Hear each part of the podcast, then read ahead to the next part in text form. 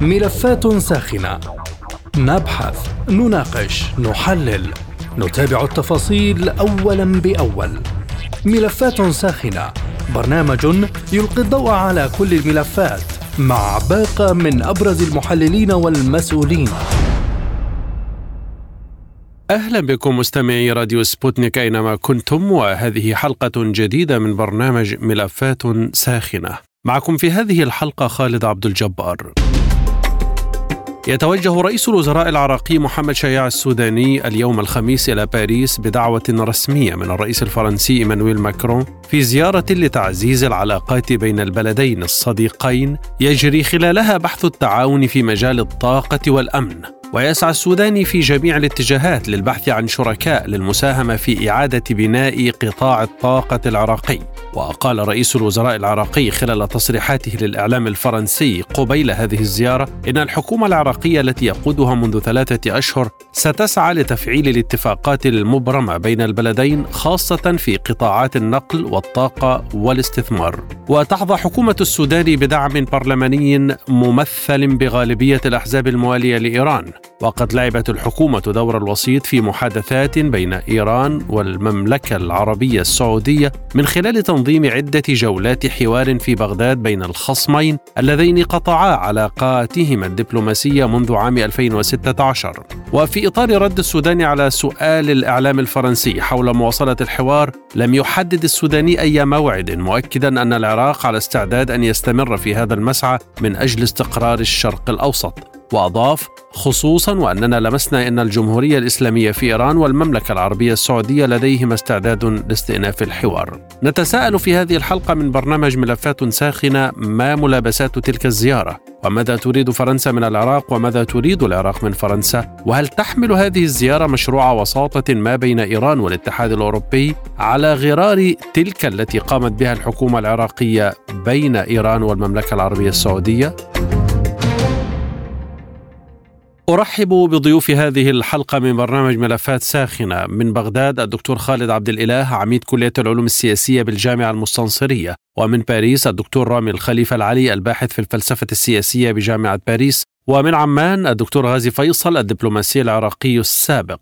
ومن القاهرة الدكتور محمد خيري رئيس وحدة الفكر الإيراني بالمنتدى العربي لتحليل السياسات الإيرانية. أهلا بكم جميعا وأبدأ معك دكتور خالد وأسألك كيف تقرأ إذا هذه الزيارة وماذا وراء توجه بغداد نحو باريس في هذه المرحلة؟ بسم الله الرحمن الرحيم. هذه الزيارة هي لا تأتي في إطار فقط إدامة العلاقات بيننا وبين فرنسا. اليوم فرنسا وألمانيا تشكل عصب مهم جدا في إطار الاتحاد الأوروبي من ناحية. وأيضا موقف فرنسا كان داعما للعراق بعد عام 2014 لا سيما في إطار تحرير الأرض إذ كان الدور الفرنسي كبير جدا في دعم قواتنا العسكريه وبالتأكيد كان له دور كبير جدا في إطار تحرير الأراضي التي سيطر على عليها تنظيم داعش الإرهابي على ست مساحة العراق في حزيران من عام 2014 أيضا كان لفرنسا بصمة كبيرة جدا في إطار إعادة الإعمار المناطق التي تعرضت إلى تدمير بسبب عمليات التحرير وبسبب أيضا ما آه، العدوان الهمجي لتنظيم داعش الإرهابي على هذه المناطق لا سيما مدينة الموصل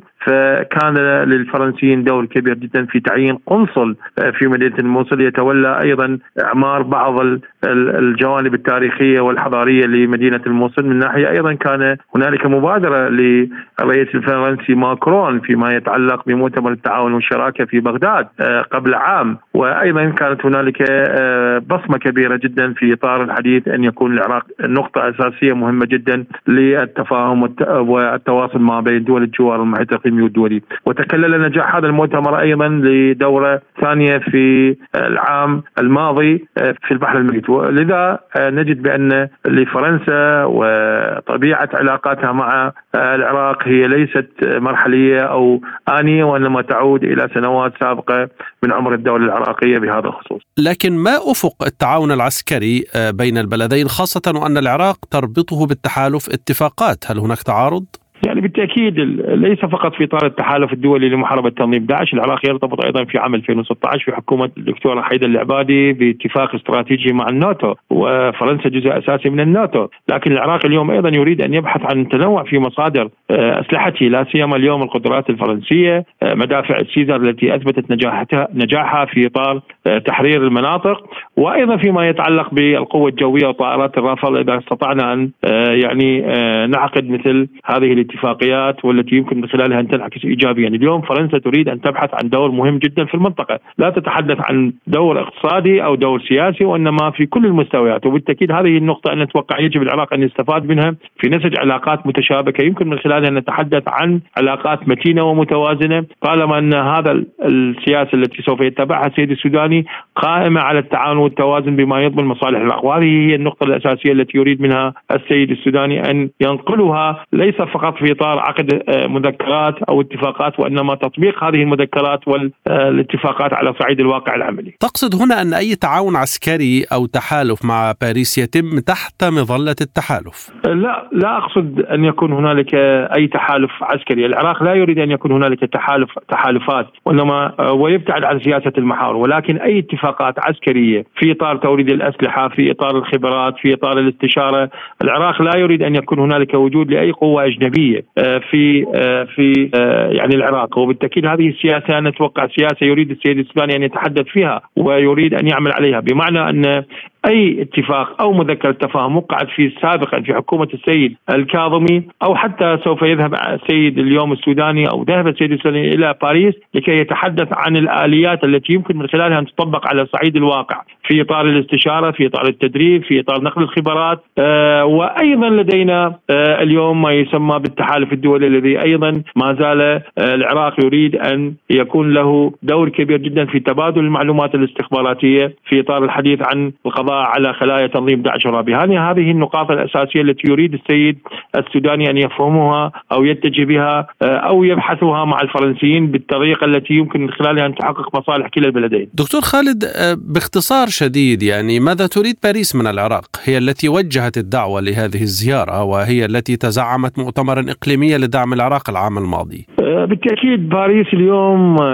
تريد مسألة النفط والغاز. كلنا يعرف بأن الأزمة الروسية الأوكرانية وأوروبا والأزمة الاقتصادية اليوم أزمة الغذاء، أزمة المناخ، هنالك اتفاقية باريس، هنالك الحديث عن الدعم على المستوى الدولي وبالتأكيد الفرنسا آه، تريد أن تلعب دور مهم جدا في منطقة الشرق الأوسط لكي تكون هنالك نوع من سياسة ملء الفراغ أو الحديث عن المزاحمة إن صح لنا التعبير أو تشابك المصالح بين فرنسا والولايات المتحدة الأمريكية، هذه النقطة الأساسية اليوم التي تبحثها فرنسا فضلا عن آه، نقاط مهمة جدا في إطار الشراكة الاقتصاديه في إطار الاستثمارات في إطار آه، أيضا جانب تراثي حضاري ثقافي. الكثير من القطاعات المهمة جدا التي تريد فرنسا أن تبحثها مع العراق بهذا الخصوص. لكن فرنسا ليست من اللاعبين البارزين في العراق مثل إيران أو تركيا أو أمريكا. هل تطمح فرنسا للعب دور أكبر على الساحة العراقية؟ آه، فرنسا تبحث عن ال ال آه، ليس أن يكون دورها هامشيا، آه، مبادرة ماكرون قبل عامين كانت مبادرة تتحدث عن تعاون شراكة وتأكدت هذا في مؤتمر الاقليمي الذي عقد في البحر الميت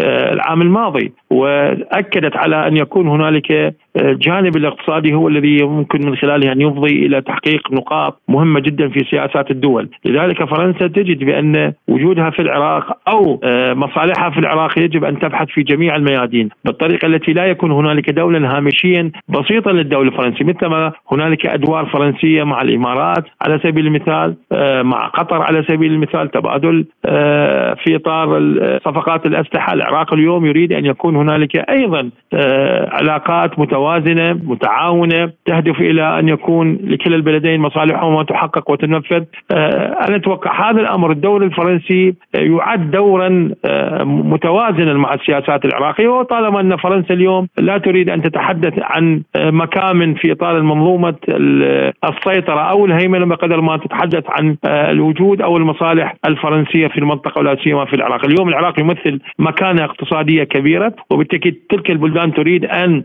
تفتح تفتك أو تبتعد عن السيطرة. آه، تارة آه، الولايات المتحدة الأمريكية وعملية تصدير الغاز إلى أوروبا التي هي فيها أسعار مبالغ بها وأيضا السياسات الغير متوازنة ما بين فرنسا وأمريكا بين الحين والآخر. وأعتقد بأن حادثة الغواصتين ما بين أمريكا وما بين فرنسا وأستراليا ما زالت هي حاضرة بقوة. في أي علاقات؟ صحيح أن هنالك علاقات فرنسية أمريكية متوازنة في بعض النواحي ولكن هذا لا يعني بأن هنالك صراع. أيضا امريكي فرنسي على بعض الملفات في منطقة الشرق الأوسط لا سيما الغاز والنفط. دكتور خالد آه، أنت تعلم والكل يعلم أن السودان ينتمي لائتلاف آه، يعني يوصف بأنه موالي لإيران. آه، هل هذه الزيارة تحمل ربما في طياتها وساطة ما بين إيران وأوروبا خاصة بعد تدهور العلاقة بين الطرفين على إثر تصويت البرلمان الأوروبي بإدراج الحرس الثوري على قائمة المنظمات الإرهابية؟ يعني السيد السوداني أول شيء يبحث المصالح العراقية وعلاقات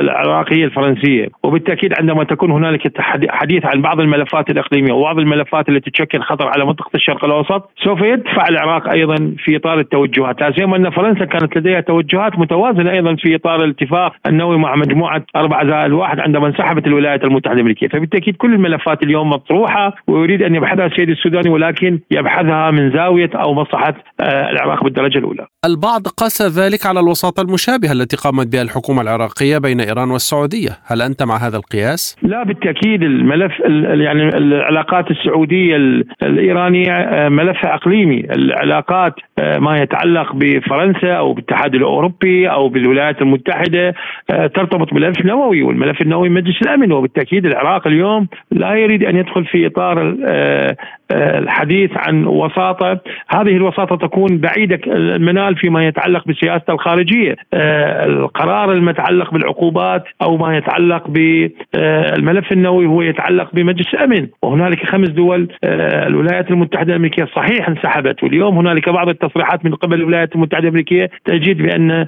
ليس هنالك من آه، جدية كبيرة جدا لإدارة بايدن في إطار المضي نحو مفاوضات أو أو اتفاق مع إيران بخصوص الملف النووي، الملف النووي أنا أتوقع يختلف عن القضية آه، الدبلوماسية أو العلاقات ما بين السعودية وايران لكن مع ذلك العراق أيضا استضاف أحد الاجتماعات الخاصة ببحث الملف النووي في العاصمة بغداد. لكن كل المؤشرات اللي نتحدث عنها أن العراق قد يأخذ رأيه أو يعطي رأيه في إطار هذا الملف لكن ليس بالشكل اللي يمكن أن نتحدث عن العلاقات الإقليمية، السعودية جارة للعراق وإيران جارة للعراق وبالتأكيد يبحث مصالحه وفق هذا المنظور آه، بالدرجة الأولى. شكرا للدكتور خالد عبد الإله عميد كلية العلوم السياسية بالجامعة المستنصرية من بغداد. وأتحول إلى باريس وأرحب مجددا بدكتور رامي الخليفة العلي الباحث في الفلسفة السياسية بجامعة باريس وأسألك دكتور رامي السودان يتوجه بناء على دعوة من ماكرون. لماذا في هذه المرحلة؟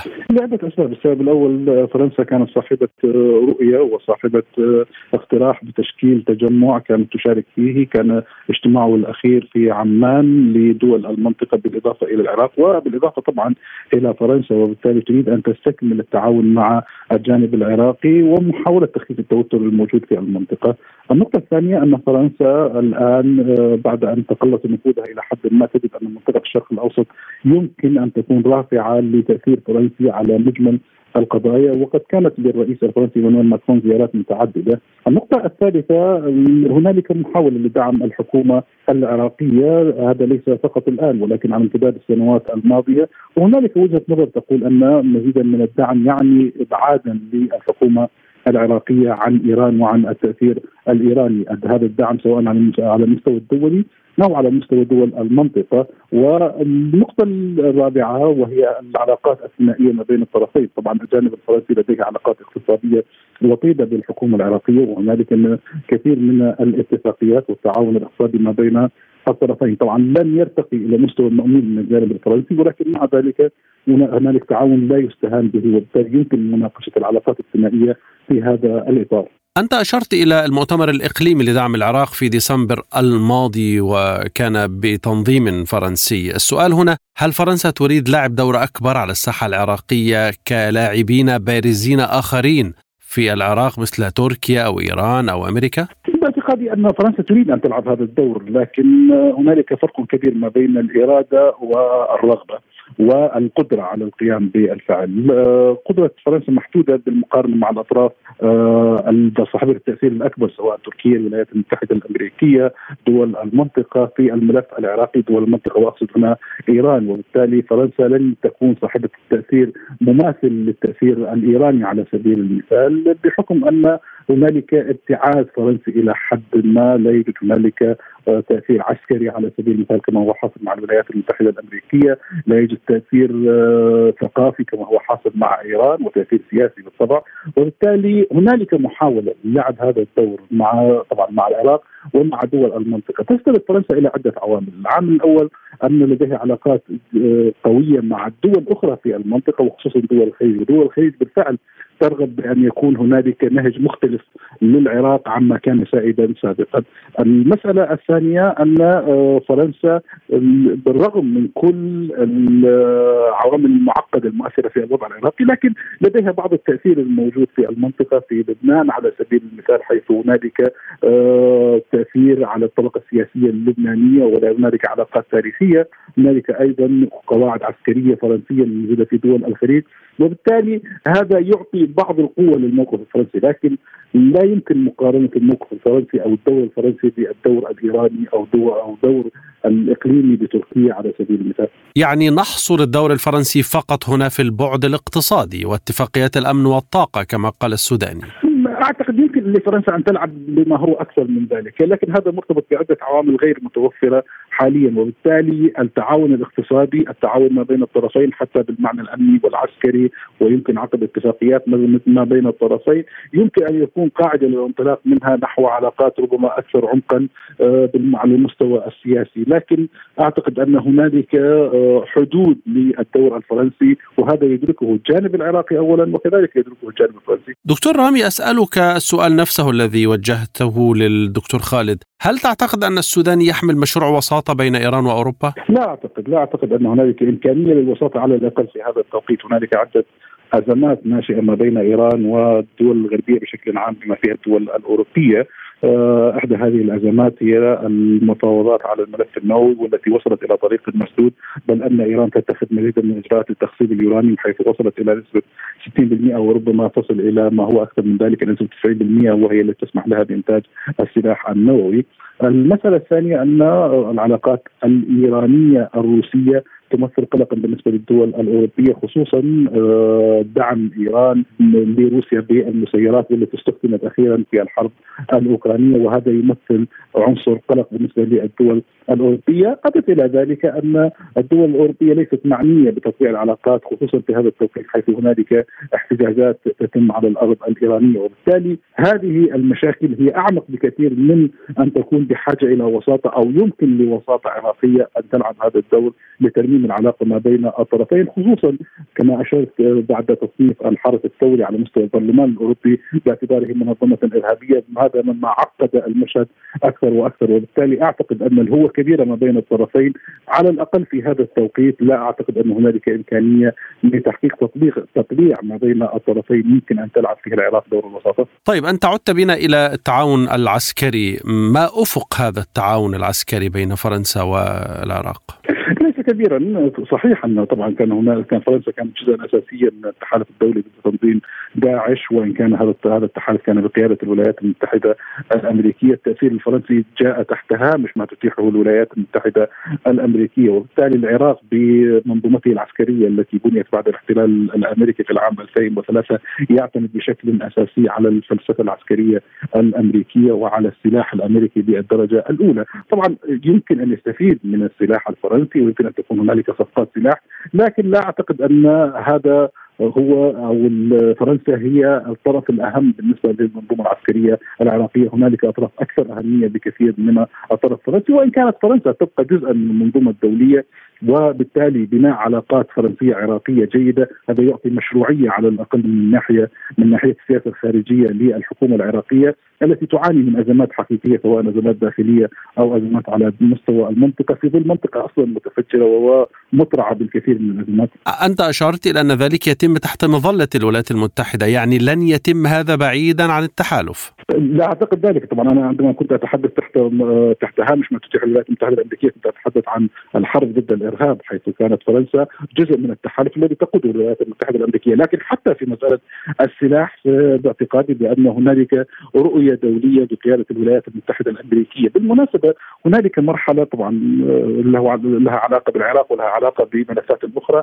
هنالك الآن وحدة بالمواقف الغربية في كثير من المجالات. هذه الوحدة الغربية تقودها الولايات المتحدة الامريكيه وبالتالي أي تحرك على أي مستوى في منطقة الشرق الأوسط شمال أفريقيا حتى في ملفات أبعد من ذلك آه، يتم الآن العمل تحت سقف ما تتيح الولايات المتحدة الأمريكية في العلاقة العراقية الفرنسية هنالك دور أساسي للولايات المتحدة الأمريكية وهنالك هامش متاح من قبل واشنطن هو الذي يسمح لاطراف كثيرة اللعب أو آه، بالإضافة طبعا إلى الدور الإيراني الذي له أهمية بالغة في العراق. شكرا للدكتور رامي الخليفة العلي الباحث في الفلسفة السياسية بجامعة باريس من العاصمة الفرنسية وأتحول إلى عمان وأرحب منها مجددا بدكتور غازي فيصل الدبلوماسي العراقي السابق.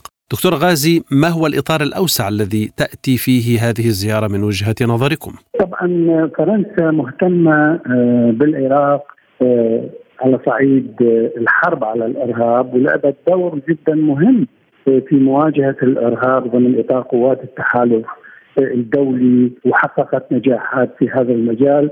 أيضا هناك تعاون وثيق في إطار الدعم اللوجستي والعملياتي والتدريب والاستخبارات. واليوم في هذه الزياره ممكن تنفتح فرصة جديدة للتسليح يعني أن يشتري العراق أسلحة خصوصا طائرة رافال. أو غيرها من الأسلحة تتعلق بالدروع أو المدفعية اللي يحتاجها العراق أو ممكن آه، الرادارات أيضا اللي يحتاجها العراق بصورة آه، مهمة.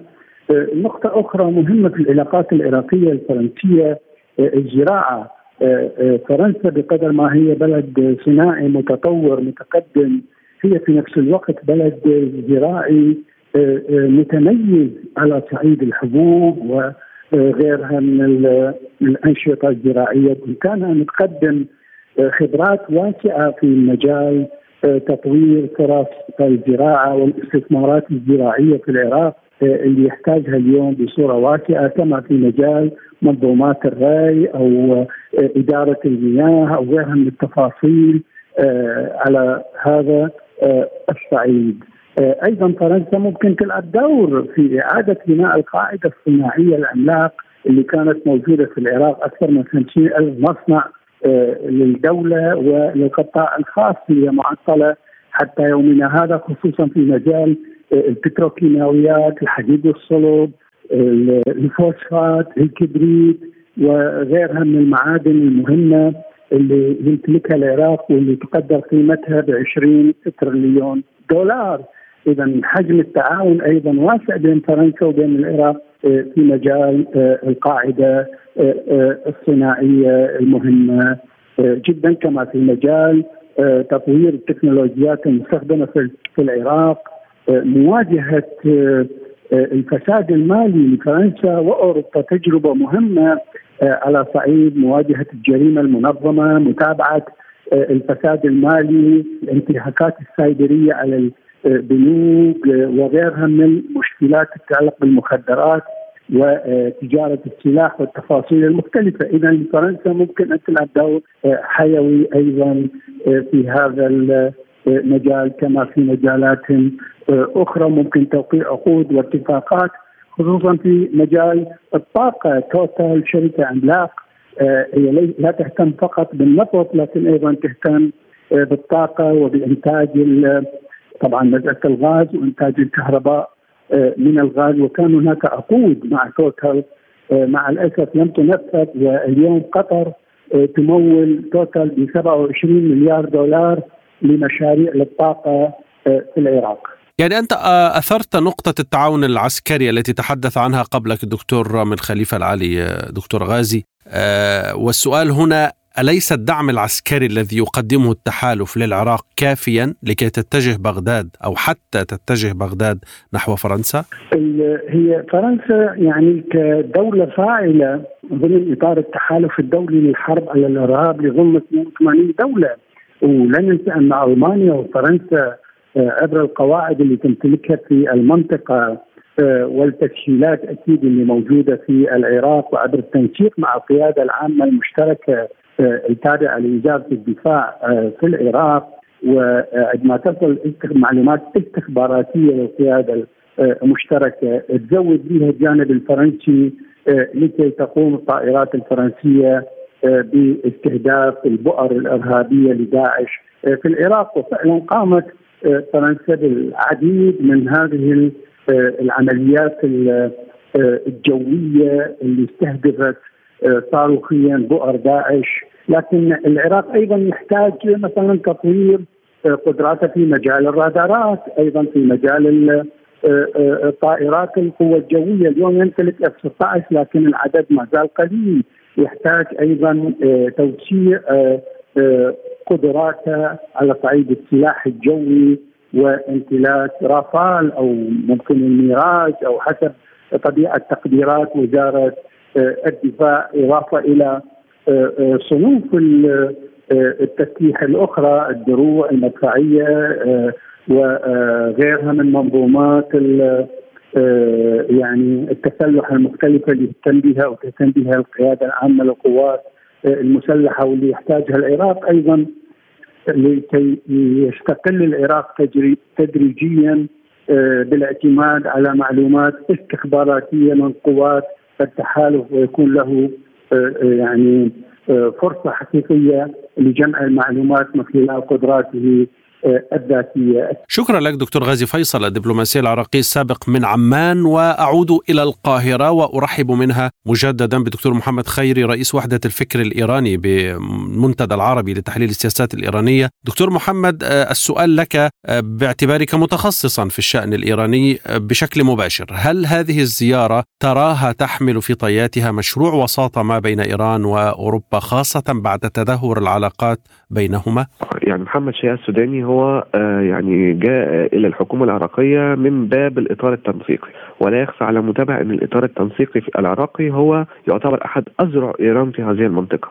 آه هذا أمر. الأمر الآخر وهو إنه حينما تحدث عن قصة الخليج العربي وذكر هذا اللفظ صارت إيران وصارت الأجهزة السياسية في إيران وطالبته بالاعتذار أو التراجع عن هذا الأمر وتراجع في تدوينه له على تويتر وما شابه.